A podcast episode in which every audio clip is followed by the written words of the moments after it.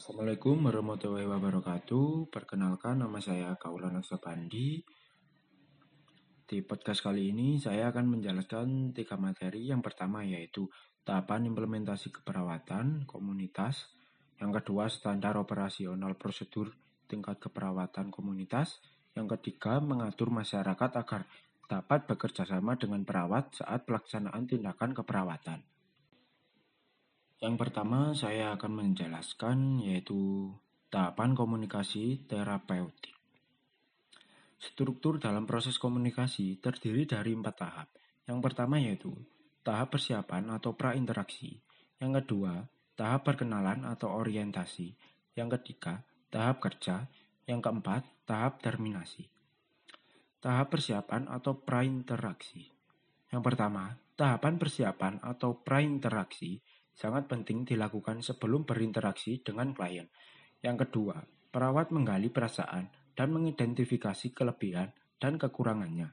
Yang ketiga, perawat mencari informasi tentang klien. Yang keempat, perawat merancang strategi untuk pertemuan pertama dengan klien. Tugas perawat yang pertama yaitu mengeksplorasi perasaan, harapan, dan kecemasan. Sebelum berinteraksi dengan klien, perawat perlu mengaji perasaannya sendiri. Yang pertama, apakah ada perasaan cemas? Yang kedua, apakah yang dicemaskan? Yang kedua, menganalisa kekuatan dan kelemahan diri agar perawat mampu mengatasi kelemahannya dan menggunakan kekuatannya secara maksimal pada saat berinteraksi. Yang ketiga, mengumpulkan data tentang klien. Dengan mengetahui informasi klien, perawat bisa memahami klien. Yang keempat, perencanaan pertemuan pertama dengan klien. Hal direncanakan mencakup kapan, di mana, dan strategi apa yang akan dilakukan untuk pertemuan pertama tersebut. Tahap perkenalan atau orientasi. Yang pertama, tahap perkenalan merupakan kegiatan yang dilakukan perawat saat pertama kali bertemu atau kontak dengan klien. Yang kedua, perawat harus memperkenalkan diri.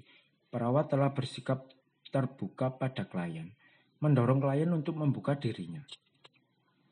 Yang ketiga, tahap perkenalan dan orientasi ini dilaksanakan pada awal setiap pertemuan, baik pada pertemuan pertama, kedua, dan selanjutnya. Tujuannya untuk memvalidasi keakuratan data dan rencana yang telah dibuat dengan keadaan klien ini. Mengevaluasi hasil tindakan yang lalu.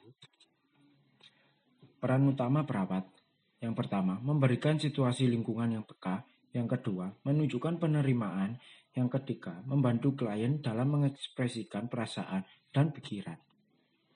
Tugas perawat yang pertama yaitu membina rasa saling percaya, menunjukkan penerimaan dan komunikasi terbuka.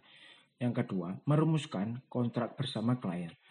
Kontrak yang harus disetujui bersama klien, yaitu tempat, waktu pertemuan, dan topik pembicaraan. Yang ketiga, menggali pikiran dan perasaan serta mengidentifikasi masalah klien. Mendorong klien untuk mengekspresikan perasaannya. Teknik komunikasinya, pertanyaan terbuka. Yang keempat, merumuskan tujuan dengan klien. Yang A, tujuan dirumuskan setelah masalah klien diidentifikasi. Yang B, jika tujuan sudah disepakati, mengingatkan klien yang dilakukan pada tahap perkenalan. Yang pertama yaitu memberi salam, yang kedua memperkenalkan diri, yang ketiga menanyakan nama klien, yang keempat menyepakati pertemuan atau kontrak, yang kelima melengkapi kontrak, yang keenam menyepakati masalah klien, yang ketujuh mengakhiri perkenalan. Yang dilakukan pada tahap orientasi. Yang pertama yaitu memberi salam sama dengan fase perkenalan. Yang kedua, memvalid validasi keadaan klien. Yang ketiga, mengingatkan kontrak. Tahap kerja. Tahap kerja adalah merupakan inti dari keseluruhan proses komunikasi terapeutik. Yang pertama, perawat klien bekerja sama untuk mengatasi masalah yang dihadapi klien. Yang kedua, dituntut kemampuan perawat dalam mendorong klien mengungkapkan perasaan dan pikirannya. Yang kedua, saya akan menjelaskan standar operasional prosedur. Yang pertama yaitu pengertian. Pengertian suatu bidang. dalam keperawatan kesehatan yang merupakan perpaduan antara keperawatan dan kesehatan masyarakat dengan dukungan peran serta aktif masyarakat, serta mengutamakan pelayanan promotif, preventif secara berkesinambungan, tanpa mengabaikan pelayanan kuratif dan rehabilitatif secara menyeluruh dan terpadu, ditunjukkan kepada individu, keluarga, kelompok, dan masyarakat sebagai suatu kesatuan yang utuh melalui proses keperawatan untuk meningkatkan fungsi kehidupan manusia secara optimal sehingga mandiri dalam upaya kesehatannya. Yang kedua, tujuan. Sebagai acuan penerapan langkah-langkah pembuatan asuhan keperawatan komunitas. Yang ketiga, prosedur. Yang A, yaitu persiapan buku register dan format ASKEP. Yang B, Petugas mengumpulkan data baik dalam gedung dan luar gedung. Yang C, menentukan prioritas masalah kesehatan yang perlu dibina. Yang D, menentukan prioritas secara yang perlu dibina meliputi bumil atau ibu hamil dan bufas rawan bayi resti, lansia, TB, kusta, dan kasus penyakit lainnya. Yang E, melaksanakan kunjungan rumah kepada sasaran minimal enam kali kunjungan atau kontak dengan keluarga. Yang F, memantau memantau dan mengevaluasi hasil kunjungan. Yang G, hasil kunjungan dituap, dituangkan dalam format ASKEP yang tersedia untuk selanjutnya dikumpulkan diarsipkan ke Perkom.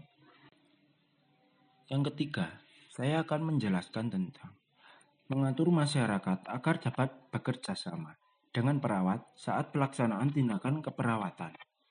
Perawat mengembangkan tanggung jawab bersama masyarakat untuk memper, memperkarsai dan mendukung berbagai kegiatan dalam memenuhi kebutuhan dan kesehatan masyarakat.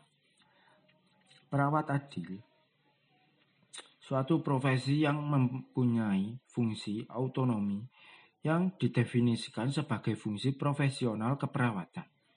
Fungsi profesional yaitu membantu mengenali dan menemukan kebutuhan pasien yang bersifat segera.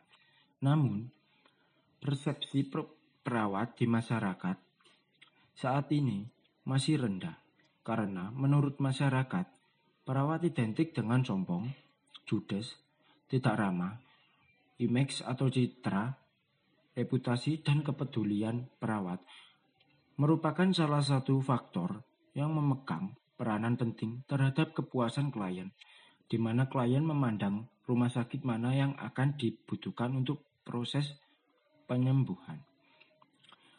Agar menghindari persepsi masyarakat, perawat harus menghindari penghinaan, hindari ikut campur urusan pribadi, hindari memotong pembicaraan, hindari membanding-bandingkan, dan lain-lain.